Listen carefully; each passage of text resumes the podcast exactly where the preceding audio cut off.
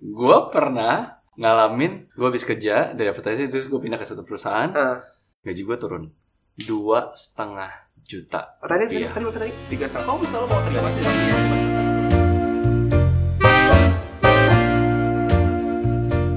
terkait dengan Fenomena yang lagi rame bicarakan soal gaji. 8 8 juta. juta.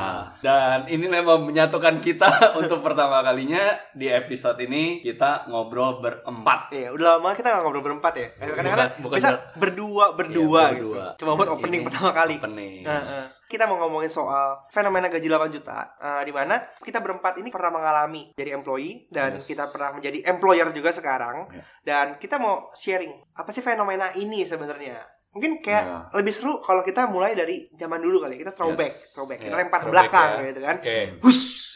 dulu pertama kali berapa sih gaji pertama lu Sebenarnya tahun ya, gue tahun 2007 gue kerja di sebuah perusahaan uh, advertising. Gaji gue 3,8 juta. tiga koma tuh gede dong 3,8 27 juta. 2007 oke lah gede Enggak, dong Tapi di saat itu ada temen gue juga yang dapetin empat setengah juta. oke Ya. Oke Karena account yang dia handle lebih gede. hmm. Kliennya ya. Lain-lainnya. Kalau gue lebih kecil. Hmm. Tapi jangan lupa nih, kantor gue di Kemang, rumah gue di Karawaci coy. Jadi itu habis jalan gak duitnya ya? tiap hari gua naik bis patas tuh, ya bis damri itu gua naik Wow. dari Karawaci sampai ke Kemang, lanjut dua kali, setelah itu pulangnya juga begitu. Oke. perjuangan Perjuangan. Gue ya.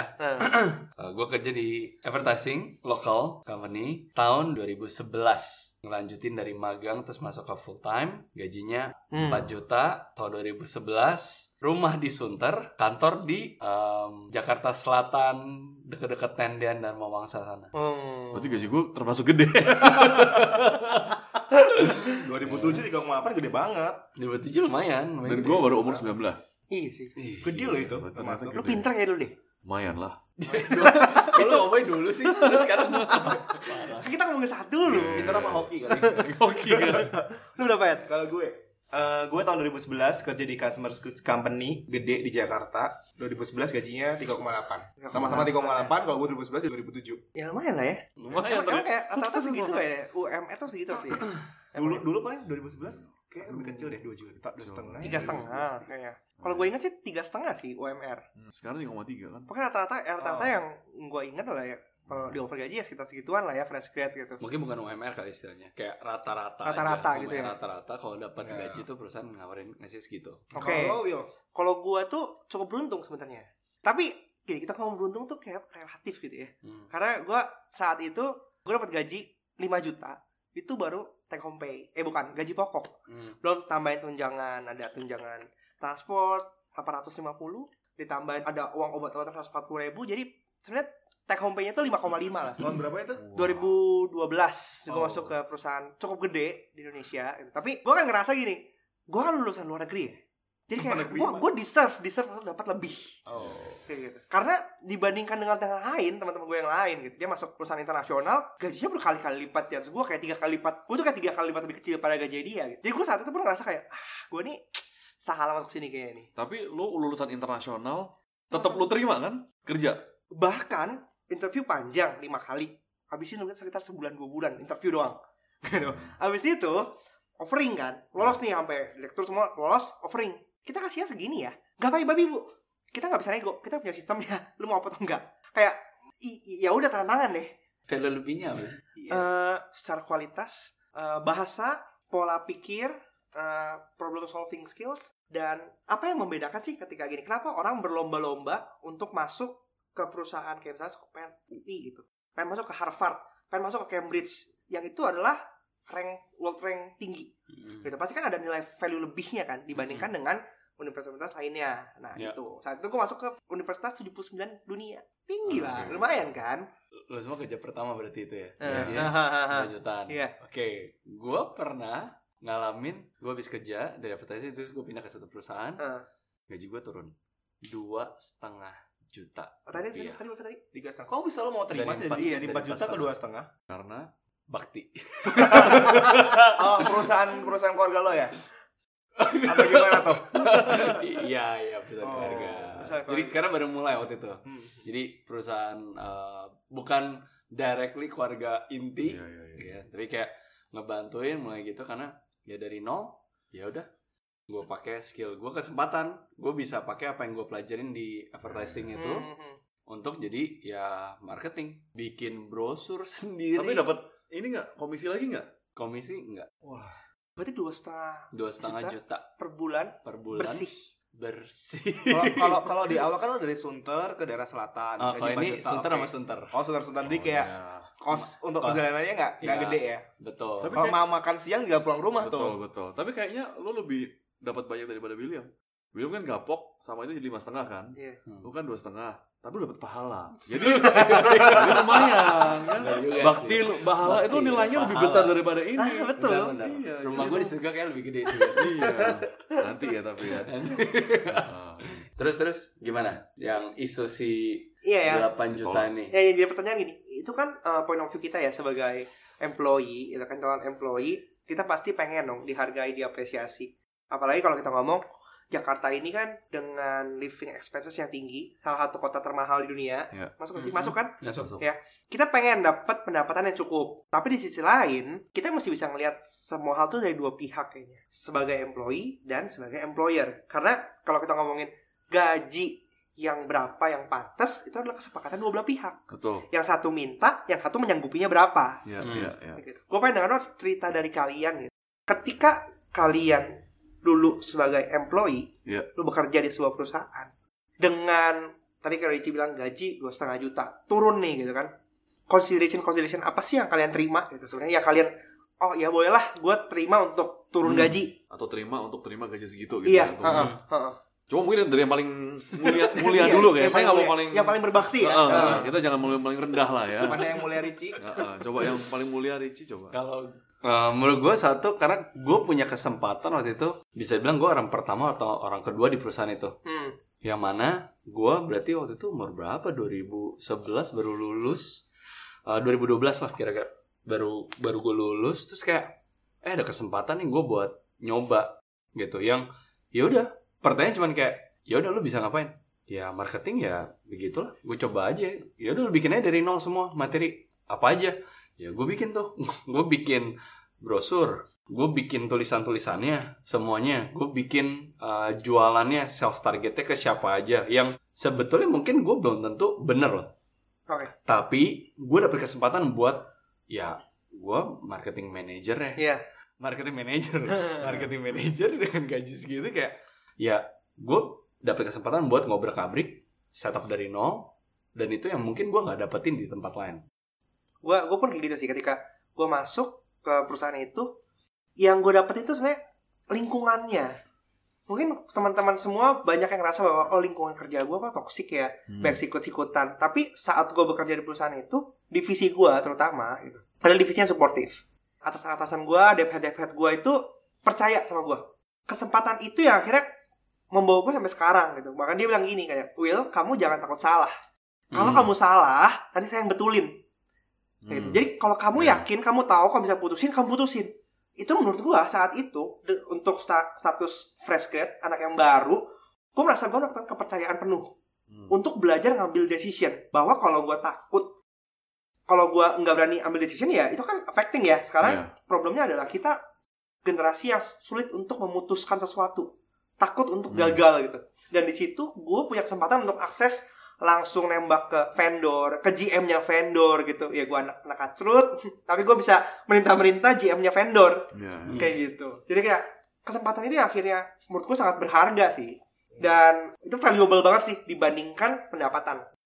Kalau gua, gue memang habis lulus kuliah, eh, gue cari langsung cari kerja kan. Dan proses cari kerja itu nggak gampang, Itu gak susah banget sih. susah banget. Uh-huh. Karena gue gue eh, apply di perusahaan A, interview, eh, udah lanjut interview kedua, belum dipanggil. Perusahaan B, interview lagi. Lu udah bakal interview sih? Gue tuh banyak. Tapi gue tuh udah mulai interview eh, sebelum gue lulus. Oh. Jadi gue interview-interview dulu sebelum gue lulus supaya gue tahu. Jadi begitu gue lulus, eh, belum sebelum gue di wisuda pun gue udah dapet kerja di perusahaan ini. Gitu. Oh. Di perusahaan yang pertama tadi. Pinter juga. Pintar. Boleh. karena karena gue gue belajar di pengalaman pengalaman teman-teman gue yang karena karena gini gue tuh lulusnya telat gue empat setengah tahun jadi gue belajar dari teman gue teman gue yang lulus empat tahun mereka yang kerja itu susah banget katanya. Nah eh gue gue gara-gara gue melihat dari hal itu gue mencoba untuk cari pekerjaan sebelum gue lulus. Dan ternyata dapat tapi dapatnya pun perlu proses. Nah begitu dapat pekerjaan yang pertama ini yang gue lihat adalah oh ini hal baru buat gue karena gue lulusan teknik industri pekerjaan pertama gue adalah bagian ekspor impor jadi gue ngurusin dokumen. Hmm. gitu. Jadi eh, di situ kan gak ada hubungan sama teknik, teknik industri ya karena gue belajar hal baru dan eh, ketika seiring berjalannya waktu kayak bos gue juga percaya gitu sama gue dan pekerjaan-pekerjaan gue walaupun eh, banyak salah. Kayak yang lo bilang juga sebenarnya pengalaman mirip sih. Hmm. jadi eh, pernah suatu saat gue disuruh bos gue untuk laporan keuangan apa gitu. Gue kan mana ngerti ya dari industri ya. Gue ngertinya ke persediaan ngatur bikin pabrik seperti apa. Tiba-tiba suruh eh, lapor pajak atau lapor apa gitu. Gue lupa dan itu hal baru banget dan gue belajar Hmm. banget dan gue memang disupport di situ sama bos gue jadi Iya. ya ini pengalaman pengalaman berharga gue gitu maksudnya dengan gaji segitu eh gue lakukan apa yang terbaik yang gue bisa lakukan ya gue banyak belajar di situ kalau lo gimana kok Kalau gue sih selalu dibilangin bahwa uh, dulunya gue nggak percaya sih, tapi mereka selalu bilang bahwa jangan pentingin peng- jangan pentingin pendapatan, tapi pentingin hidup pengalaman. Um, which is menurut gue sekarang dari apa cerita-cerita kalian menurut gue ya itu yang harusnya orang anak-anak zaman sekarang bisa lihat. Bahwa jangan mereka lihat tempat mereka kerja pertama kali atau apa pun itu sebagai tempat cari duit gitu. Tapi as a learning ground yet mereka dibayar. Kayak tadi William bilang dia boleh make mistake tapi dibayar bayangin. Di tempat mana lagi kalian kalau di sekolah kalian Iya. make mistake dihukum Iya, kan? Di betul. SD dulu kita dihukum tapi kalau ini kalian make mistake apa apa bahkan kalian dibayar. Hmm. which is itu menurut gue sebuah perspektif yang harusnya dimilikin sama semua fresh grad ataupun uh, apa uh, employee employee sekarang itu. Bahwa mereka mesti lihat tempat sekarang itu tempat mereka bekerja as a learning ground and yet mereka dibayar. Di mana lagi sih yang bisa sih? Walaupun faktanya nggak semua tempat ap- apa kantor itu mau menyediakan fasilitas seperti itu. betul Ya kan ada Iya. juga yang sistemnya ya bosnya uh, Iya. direct kayak pengen tahu apa-apa segala macam pokoknya lakukan seperti yang gue mau Iya, jadi iya, robot doang iya, gitu iya. ya kan. ya jadi meskipun kayak begitu tapi gue tetap lihat bahwa mereka bisa belajar sambil dibayar ya kan Hmm. itu di mana lagi selain tempat kerja gitu Positive mindset banget sih lo kok. eh gue gue mau nanya deh maksudnya dengan kan ada muncul kayak lulusan bla bla bla bla nolak gaji 8 juta gitu kan tapi kan kalau dari zaman zaman sekarang nih anak-anak udah sekarang nih lulusan dari X perusahaan apa startup startup gajinya lebih gede maksudnya apakah pembanding itu yang membuat dia melakukan ah cuma 8 juta mungkin ya kalau gue ngeliat ya jadi ada kayak standar industrinya seberapa gitu kan ya Betul, karena kayak kalau ngelihat nih misalnya kayak job fair gitu ya, bisa dilihat beberapa mungkin kayak dua tahun terakhir kali ya. Job fair dari company yang bisa dibilang ya eh, multinasional mungkin ya. Ya, ah. Hmm. Compare sama yang startup, gue nggak ngomongin soal gaji nih, gue ngomongin soal hype-nya. Hmm.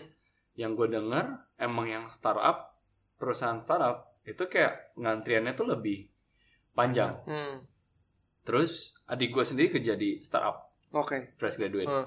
masuk tahun ke kayak sih tahun ke kedua satu setengah lah satu setengah kedua gitu ya dia juga masuknya ke startup dan belajar yang kayak dari bawah dibayar gaji gede gak gede sih gitu. Tapi tanggung Tapi- jawabnya juga gede. tanggung jawabnya juga gede gitu. Karena di departemen dia sebenarnya departemennya juga orangnya nggak banyak.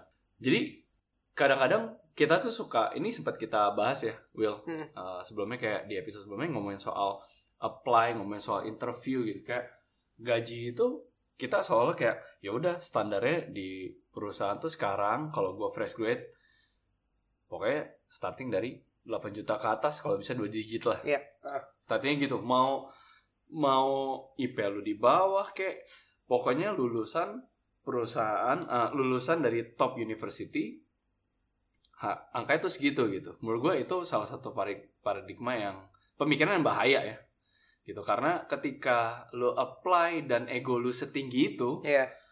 menurut gue itu bisa backfire bukan belum tentu backfire ke company ya tapi kalau lu nya sendiri jadi ngerasa kayak kok gue kayak nggak berharga banget ya di mata mereka gue Hmm. minta ga- gaji gue masih cuma dihargain segitu Iya. Ha, ha. jadi agak kayak um, istilahnya ya mungkin uh, delusi delusional gitu bahwa sebenarnya lu nggak nggak layak mungkin buat dapetin di situ Hmm. dengan tanpa pengalaman Betul, lu nggak aktif di kampus tapi karena orang-orang dan teman-teman lu yang fresh graduate juga ditawarin terus masuk perusahaan dan lu merasa bahwa teman-teman gue dari gaji segitu ya gue juga segitu dong harusnya nah menurut gue itu bahaya di situ delusional itu Eh, cases gini, gue pernah dengar cerita dari teman gue.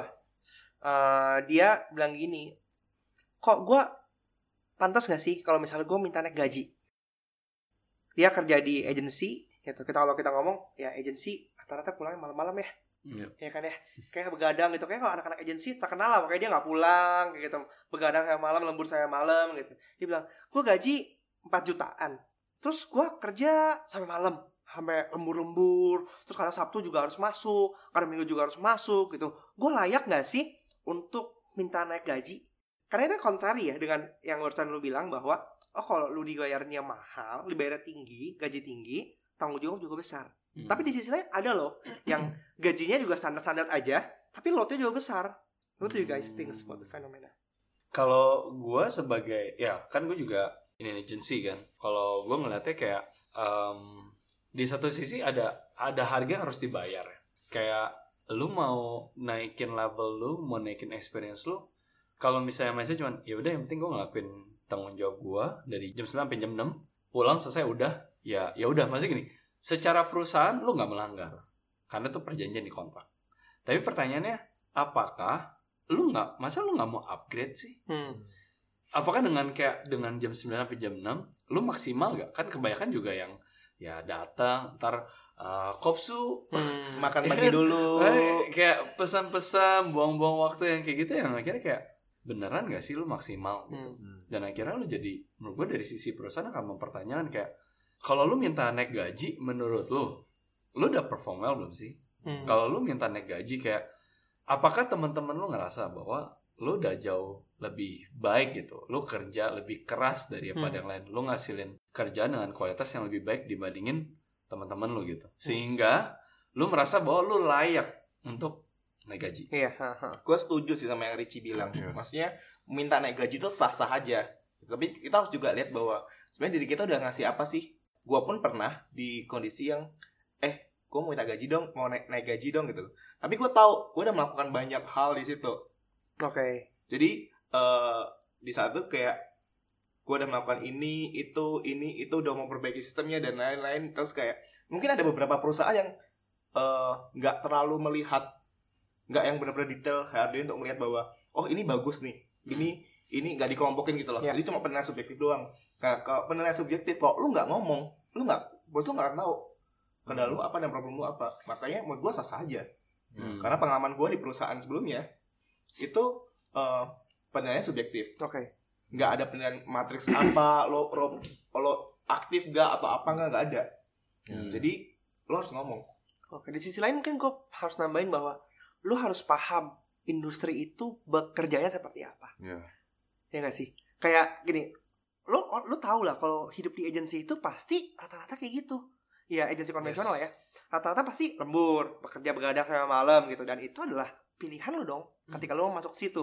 Konsekuensi Ya kan? Heeh, sama ketika gua kerja di perusahaan yang sebelumnya juga ya setiap akhir bulan gua dari sisi marketing akan berkoordinasi dengan sales untuk billing akhir bulan. Ya, ya. Dan itu kita harus standby sampai jam 12 malam di kantor. Ya. Tanpa yang nggak ada lemburan, nggak ada apa-apa, kewajiban lu. Ya, ya.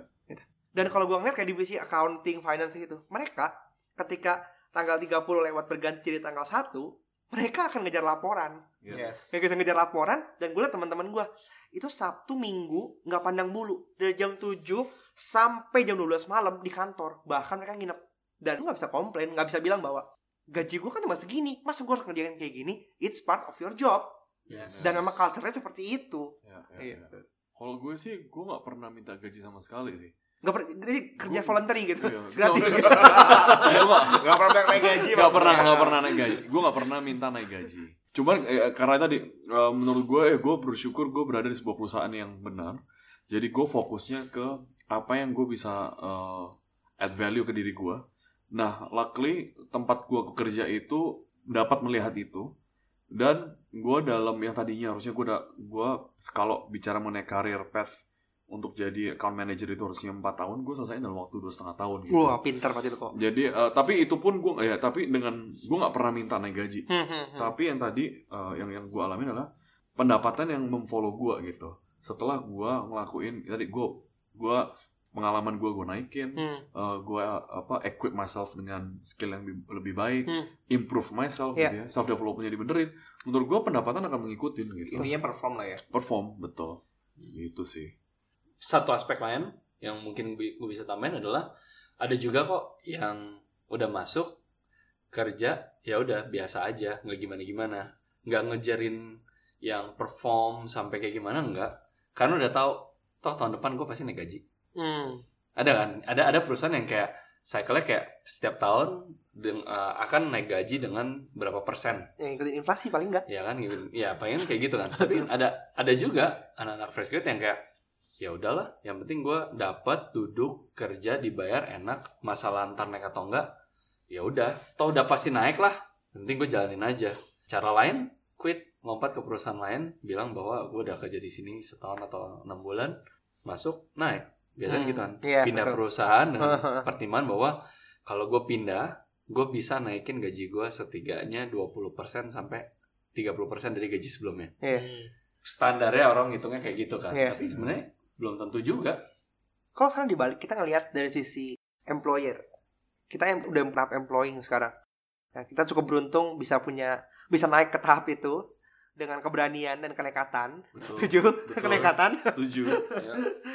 Eh, kira-kira kalau dari sisi kalian sendiri, apa sih yang kalian consider ketika kalian akhirnya memilih Pokemon itu untuk bergabung dengan dalam Kita collection Pokemon- dalam kita Pokédex Pokemon. Pokédex kita gitu.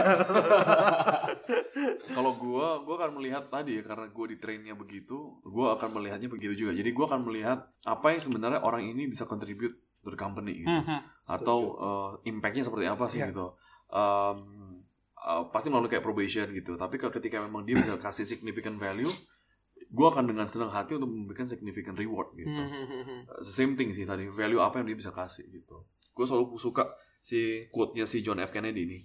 Ask not what your country can do for you, tapi what you can do for your country gitu. Hmm. Jadi apa yang lo bisa lakuin buat company deh gitu, instead of company bisa ngasih ini gitu. Hmm. Karena gue sebagai employer, gue akan kasih ke mereka reward yang sepantasnya gitu. Ketika mereka bisa kasih significant value Hmm. atau impact ke company gue gitu. Betul betul sih. Kalau gue sih lebih ke uh, I'm I'm buying their experiences. Hmm. Karena kita creating business gitu kan. Ya of course karena bisnis kita mau semuanya itu bisa berjalan gitu kan. Ya. Dan kita butuh sistem-sistem yang yang orang lain udah belajar di tempat lain gitu. Ya. Mungkin akan ada beda ketika kita ngomong fresh graduate sama kita ngomong po- uh, apa namanya pro hire. Ya. Tapi gini, ketika ngomong fresh graduate seberapa aktif sih ya kan? Ya. Ya, seperti tadi dibilangin. Dan kita ada ada ada posisi-posisi yang harus kita hire tuh orang-orang yang udah lebih experience. Nah, ketika gue memutuskan untuk meng-hire orang-orang itu, gue akan memilih orang yang punya experience sesuai dengan yang gue butuhkan. Yes. Karena yang gue butuhkan adalah experience mereka supaya mereka bisa ngasih tahu gue. Ya. Kadang-kadang kita bukan kita yang harus kasih tahu mereka, tapi mereka harus bisa ngasih tahu kita. Ya. Gitu. Lu harus bikin ini lo, bikin ini, bikin ini, bikin ini. Kalau forever kita yang ngasih tahu mereka, ya kita kerjainnya sendiri. Ya Hmm. nggak sih? Ya. Ngapain kita bayar mereka dan kita juga harus Kerjain. telling them what to do gitu. kalau dari gua eh, sebagai seseorang yang pernah jadi dosen Hmm. gue pengen ngingetin aja sih bahwa kuliah itu ada orang-orang yang ngejar nilai. Iya. Gitu kan dengan per- dengan pemikiran bahwa kalau IP gue tinggi, maka ketika gue masuk ke satu perusahaan, gue udah di screening dengan pertimbangan bahwa gue pintar. Iya. Jadi gue udah pasti lolos. Iya, itu one aspect. One aspect. Aspek berikutnya yang gue akan gue akan lihat adalah lu di kampus lu aktif apa enggak sih?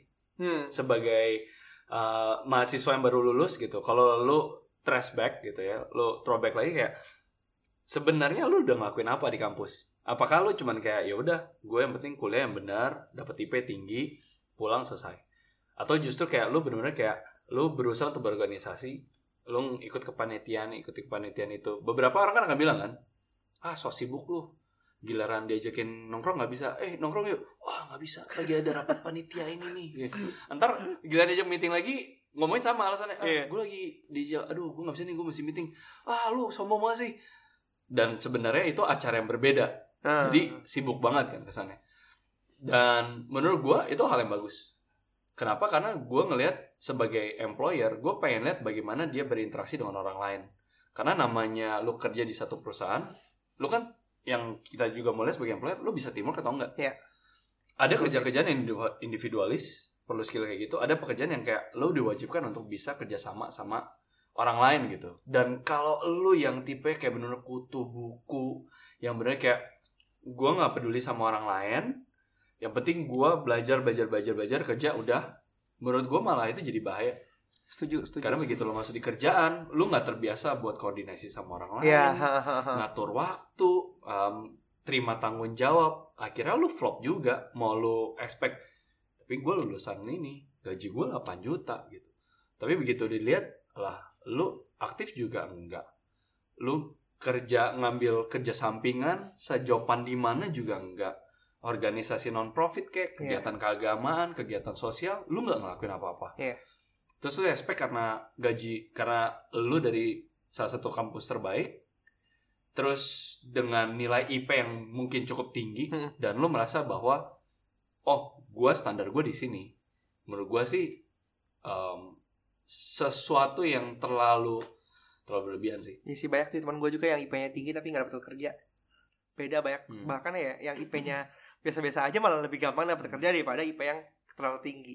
Harusnya bersyukur ya dapatin 8 juta sebenarnya. untuk di untuk di tahun ini Iya. karena ah saat ini yang sering kelewat adalah kita selalu mikir kayak em gue mesti milih satu perusahaan yang bener-bener banget jadi kayak first company itu kayak it's everything gitu Iya benar Yes, sih. yes, ha. setuju. menurut gue belum tentu loh karena gue berpikir bahwa first company itu itu milestone lo itu kayak batu batu lo buat naik ke perusahaan yang lain lagi Hmm, hmm. Hmm. jadi kayak lu cuma harus milih yang Yes. tepat masalah porsi gaji it's it should be negotiated gitu. Harus bisa dibahas bareng-bareng. Sehingga lu tahu kayak lu masuk ke perusahaan itu dulu deh yang penting. Dan lu ketika nanti lanjutin ke perusahaan berikutnya orang kan lihat, ih dia pernah kerja di perusahaan ini. Ah, dengan ngebayangin bahwa di perusahaan itu sistemnya kayak gimana lah orangnya kayak gimana dan akhirnya itu malah ngebantu lu buat dapetin kerjaan yang baru. Jadi kayak jangan first kick off itu screeningnya selalu di gaji, Gaji. gitu. Iya. yes. Ha, ha, Ya, ha. mungkin mungkin karena lifestyle aja ketinggian Bahwa uang bukan segalanya ya. Tapi lo pernah kepikiran gak sih kayak di awal lo mencari kerja, lo udah pengen kerja di perusahaan ini? gua iya ada dong pasti maksudnya kayak setiap kalau gua kan anak UPH Yes. kita adalah pengen kerja di MNC ini kerja di perusahaan ini yang emang senior senior kita udah pernah di situ kan Hmm. emang disaranin kan sama Hmm, hmm. alumni centernya Iya. kayak ini perusahaan yang alumni lu udah pernah kerja which is kan sebenarnya lebih gampang masuk tapi menurut gua yang gua kejar ya perusahaannya bukan Yes. karena kayak gajinya pasti tinggi tuh di situ kayak ada keinginan kayak gitu enggak pasti ada Pasti tapi ada lah, mungkin itu nggak lah. kayak nomor kedua ketiga karena menurut gue kayak bisa masuk ke situ karena gue tahu ya belum tentu gue bertahan di situ sampai 10 tahun kan Hmm. Yes. soon gue bakal cabut gue pindah ke perusahaan lain yang eh itu jadi ibaratnya anak tangga gue buat naik So, untuk summing up karena topik yang cukup menarik untuk dibahas ini, kira-kira apa pesan-pesan dari kalian buat teman-teman yang lagi mau masuk fase-fase ini? oke gue nih gue lagi nih gila gue dari tadi ngomongnya banyak banget maaf ya kalau misalnya gue bawa Your stage. kalau di gue gue ngutamain karakter dan lu aktif atau enggak Oke. siapa Oh, gue. Kalau gue tadi balik lagi ke value lah. What value yang you can bring to the company gitu. Um, kalau masih belum ada value, ya don't expect too much lah. Gue sama kayak lo sih kok. Sih? Ah.